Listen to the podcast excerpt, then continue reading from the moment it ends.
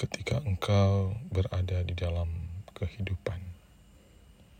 Kehidupan itu hampa, tetapi ketika engkau berada dalam kematian, bahwa kehidupan itu penuh makna.